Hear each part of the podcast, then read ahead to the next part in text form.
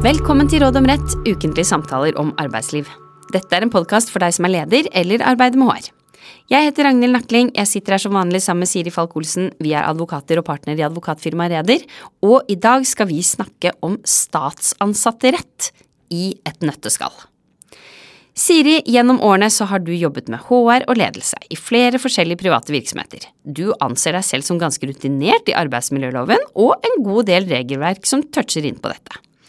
Nå har du nettopp takket ja til en stilling med personalansvar i Arbeidstilsynet. Og selv om du aldri har jobbet i staten før, så føler du deg egentlig ganske godt rustet til jobben. Du tenkte at det var nok å sette av en dag til å lese deg raskt opp på det du ikke kan. Men det du ikke var helt forberedt på, da du søkte på stillingen. Det var det store, omfattende regelverket i staten, og alle lovene, avtalene og særreglene som du rett og slett ikke kunne fra før, men som du må forholde deg til nå. Du trenger et krasjkurs før oppstarten. Og så ringer du til en gammel venn som har jobbet med HR i staten i en årrekke. Og Siri, hva tror du denne personen nå får informasjon og opplæring i? Hvilket regelverk er det man må forholde seg til som man ikke gjør hvis man utelukkende jobber med private virksomheter? Og hva er det viktigste denne nye personallederen bør vite om forskjellene på arbeidsrett i staten og arbeidsrett i privat sektor? Ja, altså det er jo helt riktig det denne nye da, personallederen i Arbeidstilsynet har oppdaget, og det er at det er ganske stor forskjell på eh, arbeidsrett i eh, privat sektor og i det offentlige. Og eh, eh dette er noe som ledere og, og HR-medarbeidere i staten, det må de være særlig bevisst på. Og det tenker jeg jo særlig gjelder hvis de da kommer fra privat sektor og begynner i staten, sånn som denne personallederen her skal. Absolutt. Og når det gjelder offentlig sektor, så er jo det vi skal snakke om i dag, det er jo statsansatte. Det er jo mange ansatte i det offentlige som ikke er statsansatte, i kommunal sektor. For dem er det jo, i hvert fall, hva skal vi si, litt mindre krevende for denne personen, da, eller hadde vært det. For da hadde det vært først og fremst arbeidsmiljøloven, i tillegg til en del tariffavtaler hun måtte være særlig oppmerksom på. Det er helt riktig, Ragnhild. Så det vi skal snakke om i dag, eller aller mest om i dag, det er ansatte i staten. Mm. Og hva, ja, hva vil du si om lov, lovbildet da, for ansatte i statlig sektor? Nei, For arbeidsforhold i staten så tenker jeg at det er viktig å huske at det er i hovedsak er tre særlover som gjelder, og hvor statsansatteloven er den aller, aller mest sentrale. Men i tillegg til statsansatteloven så vil jeg nevne at vi har eh, tjenestetvistloven, eh, som gjelder den kollektive arbeidsretten i staten, dvs. Si tariffavtaler, tarifftvister osv. Så har vi karanteneloven, som i hovedsak har regler om karantene og saksforbud for politikere, embetsmenn og statsansatte når de går fra visse stillinger til andre. Og så er da statsansatteloven, som er dagens eh, hovedtema. Mm. Og i tillegg så kommer vi jo senere i denne episoden litt inn på forvaltningsloven, som også har faktisk veldig stor og kanskje nesten litt overraskende betydning, vil jeg i hvert fall tro for denne HR-lederen som ikke har jobbet så mye i statlig sektor tidligere, når man jobber med arbeidsrett i staten og for så vidt også i kommunal sektor. Det er helt riktig, Ragnhild. Så egentlig bør vi kanskje si fire eh, viktige lover eh, som har betydning for arbeidsrettsfeltet i staten. Helt enig. Eh, men statsansatteloven det er jo den aller mest sentrale. Det er den loven vi skal snakke mest om i dag. Kan du si litt generelt om loven, Siri? Hva regulerer den, osv.? Ja, Statsansatteloven den trådte i kraft i 2017, så det er en relativt ny lov. Men den erstatter og viderefører den tidligere tjenestemannsloven. Eh, og som man kan høre, så har loven fått et mer modernisert og kjønnsnøytralt språk. Noe man ser ved at man har byttet da fra tjenestemannsloven til statsansatteloven. Overordnet så har statsansatteloven regler om eh, ansettelsesprosessen, eh, bl.a. om kunngjøring av stillinger, om kvalifikasjonsprinsippet, om innstillingsordninger og ansettelsesorgan. Eh, den har regler om midlertidige ansettelser og det som kalles for åremål. Loven har regler om arbeidsgivers styringsrett, ordensstraff og opphør av ansettelsesforhold. Og loven inneholder også forbud mot det å motta gaver i tjeneste. Og bare her på denne oppramsingen så er det jo en god del begreper som denne HR-lederen da kanskje ikke har vært borti hvis hun ikke har bistått, eller hun har jo ikke jobbet i statlige virksomheter tidligere. Men hvis vi først begynner å se på hvem er det statsansatteloven gjelder for? Ja, navnet på loven er jo ganske dekkende. Den gjelder for ansatte i staten. Og her skiller loven mellom det som kalles for embetsmenn og statsansatte. Statsansatte er det vi før kalte for tjenestemenn, og det er alle ansatte i staten med unntak av embetsmenn. Og loven, statsansatteloven den gjelder for begge disse gruppene, men det er ikke alle bestemmelsene som gjelder for denne gruppen som kalles for embetsmenn. Kun eh, de eh, bestemmelsene hvor det eksplisitt fremgår at de gjelder for embetsmenn. Mm. Og når vi sier ja, staten, hvem er det? Staten, det er jeg, var det en som sa, men det er vel ikke sånn her? Nei, med staten så mener vi eh, ordinære statlige forvaltningsorganer, som departementer, direktorater, etater, tilsyn osv. Og, og staten omfatter også kollegiale organer som råd, styrer og nemnder. Eh, I tillegg forvaltningsbedrifter som Statens pensjonskasse, Statsbygg, Statens kartverk Um, mens virksomheter som er organisert som egne rettssubjekter og foretak hvor staten har eierinteresser, det er ganske mange, det faller utenfor statsansatteloven. F.eks. helseforetakene. Uh, de faller utenfor Norges Bank og Equinor, f.eks. Mm, mm. Og så var du inne på dette med nye kjønnsnøytrale begreper. Det er jo noe som ikke har hengt med der, da. Dette med embetsmenn. Hva er egentlig en embetsmann? Ja, embetsmann. Og egentlig her burde vel vi kanskje være litt sånn foregangskvinner. For det er jo en del som har erstattet også embetsmann, eller embetsmenn, med embetsperson. Men fortsatt, det er kanskje ikke et helt innarbeidet uttrykk ennå. I loven så snakker man om embetsmann enda. Men i dag så utgjør embetsmenn en relativt beskjeden andel av arbeidstakere i statens tjeneste kontra det som det var tidligere. Eh, en embetsmann det er en eh, arbeidstaker som er utnevnt av kongen og gitt bestalling eh, som embetsmann, og de som er konstituert av kongen i et embete. Enkelt sagt så kan vi si at det er de aller viktigste statsstillingene.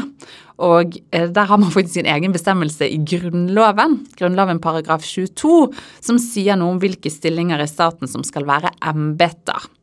Og eksempler på eh, det er diverse stillinger i departementene, som f.eks. avdelingsdirektør, ekspedisjonssjef, departementsråd, dommere politi og politiembetsmenn. Og disse da, embetsmennene kan enten konstitueres, dvs. Si ansettes midlertidig, eller utnevnes, som vil si å bli fast ansatt. Og du var litt inne på at eh, statsansatteloven inneholder jo mange regler som i hvert fall eh, er mye tilsvarende de i arbeidsmiljøloven, f.eks. om opphør av ansettelsesforhold. Kan man si opp embetsmenn? Er det riktig at man ikke kan det, som f.eks. med dommere? Det er faktisk sant. Eh, de er beskyttet av Grunnloven og kan ikke sies opp, men de må i tilfelle avskjediges. Avsettelige statlige embetsmenn, som f.eks. statsministeren, eh, kan avskjediges av kongen ved en administrativ beslutning, mens uavsettelige embetsmenn, som f.eks. dommere, de må avskjediges ved dom. Eh, og Der har man egne bestemmelser i statsansatteloven, paragraf 26 og 27, som, som regulerer hva som er avskjedsgrunnlag for embetsmenn. Og som sagt så er jo dette en episode om statsansatterett i et nøtteskall. Vi kommer grundig tilbake hva som ligger i disse bestemmelsene om avskjedsgrunnlag for embetsmenn, og også for statsansatte for så vidt. Men nå har du vært mye inne på hvem statsansatteloven gjelder for. Så var du bitte bitte litt inne på hvilke virksomheter som er unntatt. hva med personer, er det noen ansatte den ikke gjelder for i staten? Ja, det er det faktisk. For loven, statsansatteloven gjelder ikke for statsråder, statssekretærer og politiske rådgivere. Og det inkluderer også statsministeren. Eh, disse er faktisk ikke omfattet av arbeidsmiljøloven heller. Men Grunnloven har en del bestemmelser som regulerer valgbarhet, avskjedigelse osv. av denne gruppen. Og så finnes det også en god del andre unntak, og de følger bl.a. av eh, en forskrift, forskrift til statsansatteloven. Vi går ikke mer inn på det. Eh, men jeg kan også nevne at på samme måte som etter arbeidsmiljøloven, så gjelder heller ikke statsansatteloven for personer som utfører arbeid i statens tjeneste på annet grunnlag enn en arbeidsavtale, f.eks. hvis man eh, da utfører arbeid i form av en oppdragstakeravtale. Det faller utenfor. Hun som nå skulle begynne å jobbe i Arbeidstilsynet, hun følte seg jo ganske godt opplest på arbeidsmiljøloven. Er det sånn at hun må legge vekk all denne kunnskapen nå, da bare slå opp i statsansatteloven? Litt ledende spørsmål, men Nei, sånn er det ikke. Arbeidsmiljøloven gjelder for alle ansatte, uavhengig av om arbeidsgiver er privat eller offentlig, og gjelder også ansatte i staten. Men det er en del enkeltbestemmelser i arbeidsmiljøloven som ikke gjelder for statsansatte, og hvor statsansatteloven kommer inn og regulerer disse forholdene i stedet for. Og hvilke regler er det, og hvordan skal vi finne ut av det? Her er det en egen forskrift igjen. Eh, en egen forskrift som heter 'Forskrift om unntak fra arbeidsmiljøloven for visse typer arbeid- og arbeidstakergrupper'. Eh, og denne forskriften ramser opp hvilke bestemmelser i arbeidsmiljøloven som ikke gjelder for statens ansatte. Og det gjelder i all hovedsak da reglene om midlertidig ansettelse, fortrinnsrett og reglene om oppsigelse og avskjed. Her har statsansatteloven egne regler som gjelder. Det er veldig viktig å huske på. Og så har statsansatteloven også egne regler om innleie av arbeidstakere, som, som dels henviser til arbeidsmiljølovens regler.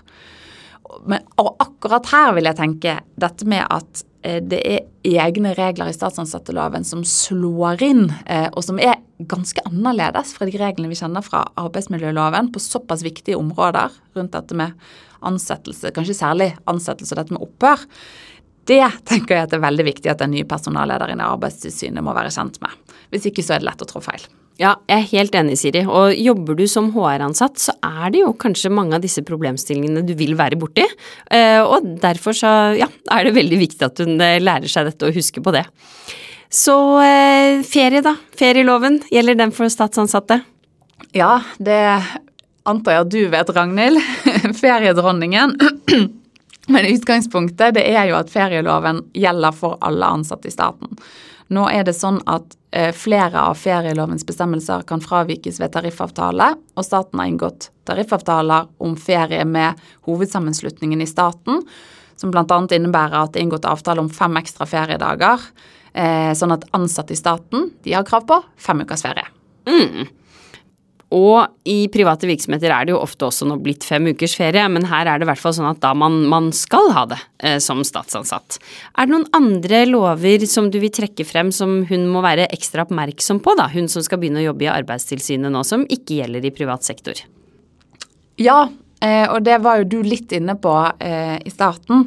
Og det er dette med at forvaltningsloven gjelder.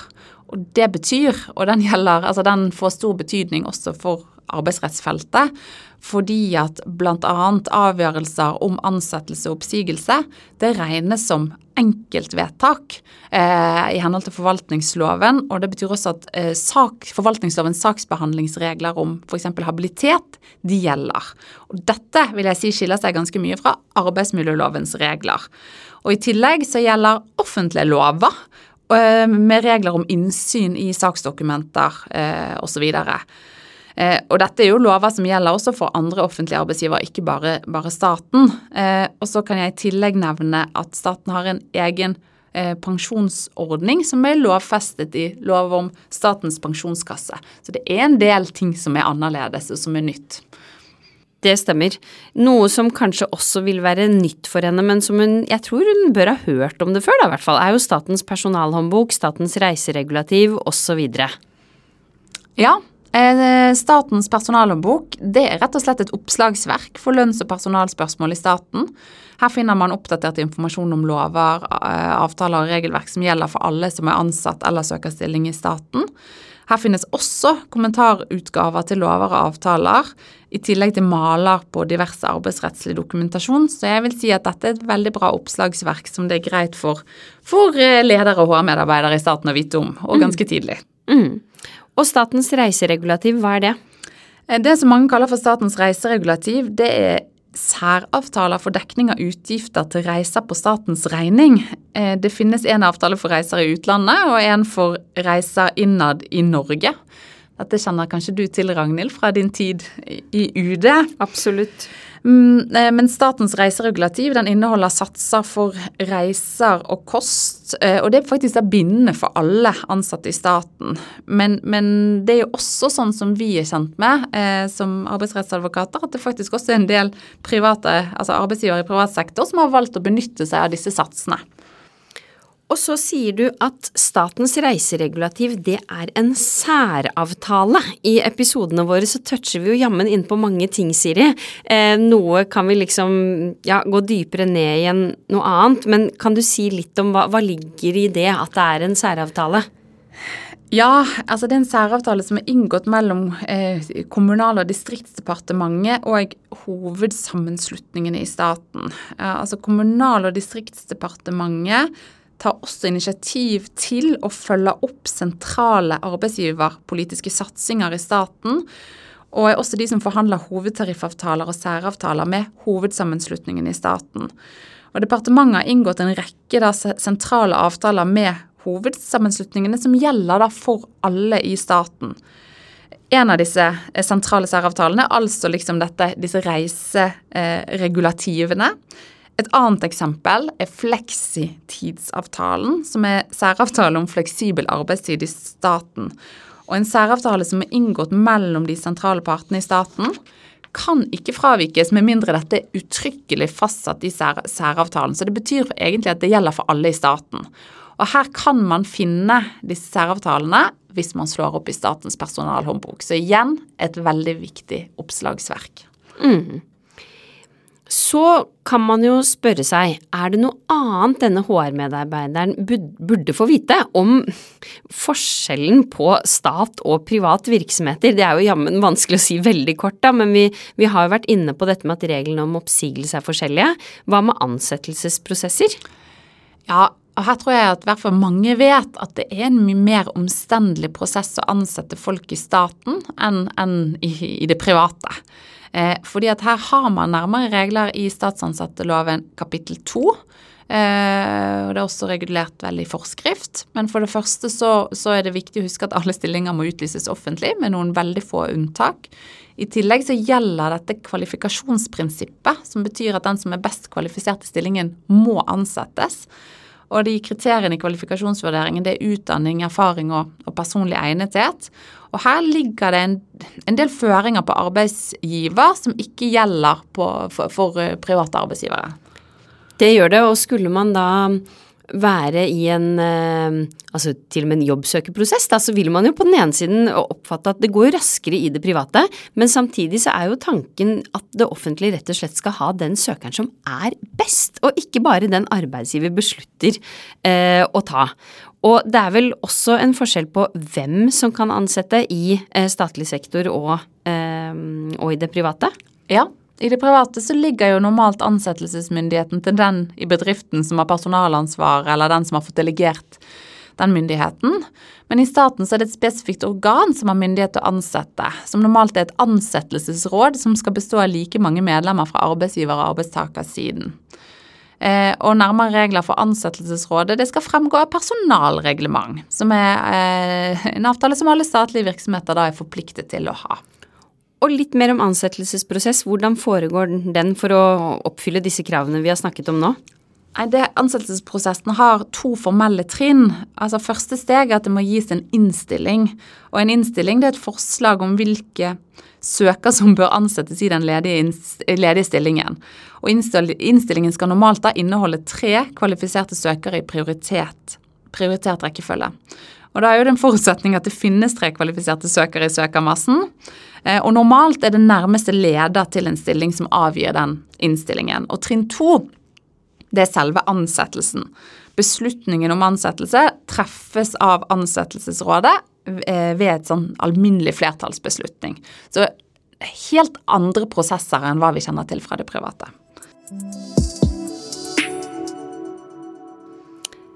Da har vi fått en kort og god gjennomgang, Siri, av noen av de viktigste forskjellene på arbeidsrett i privat sektor og arbeidsrett i staten, og da særlig med utgangspunkt i statsansatteloven. Det er jo veldig mye vi ikke har rukket å være innom, som vi kommer tilbake til i andre episoder, men hvis du skal prøve å oppsummere de tre viktigste tingene som denne HR-medarbeideren og lytterne våre bør ta med seg fra dagens tema. Dette ble jo, som jeg snakket om, et, i et nøtteskall, men de tre viktigste punktene Husk at statsansatteloven gjelder for de aller fleste arbeidstakere i staten. Arbeidsmiljøloven gjelder også som et utgangspunkt for statsansatte, men med en del unntak og særreguleringer. Og Det er særlig viktig å huske at ved ansettelse og oppsigelse så er det et regelverk i statsansatteloven som skiller seg fra reglene i arbeidsmiljøloven. Og til slutt det er mye regel å forholde seg til i staten, eh, men man finner mye god veiledning i Statens personalhåndbok. Takk. Det var det vi hadde. Vi kommer tilbake med nytt tema og nye tips i neste episode.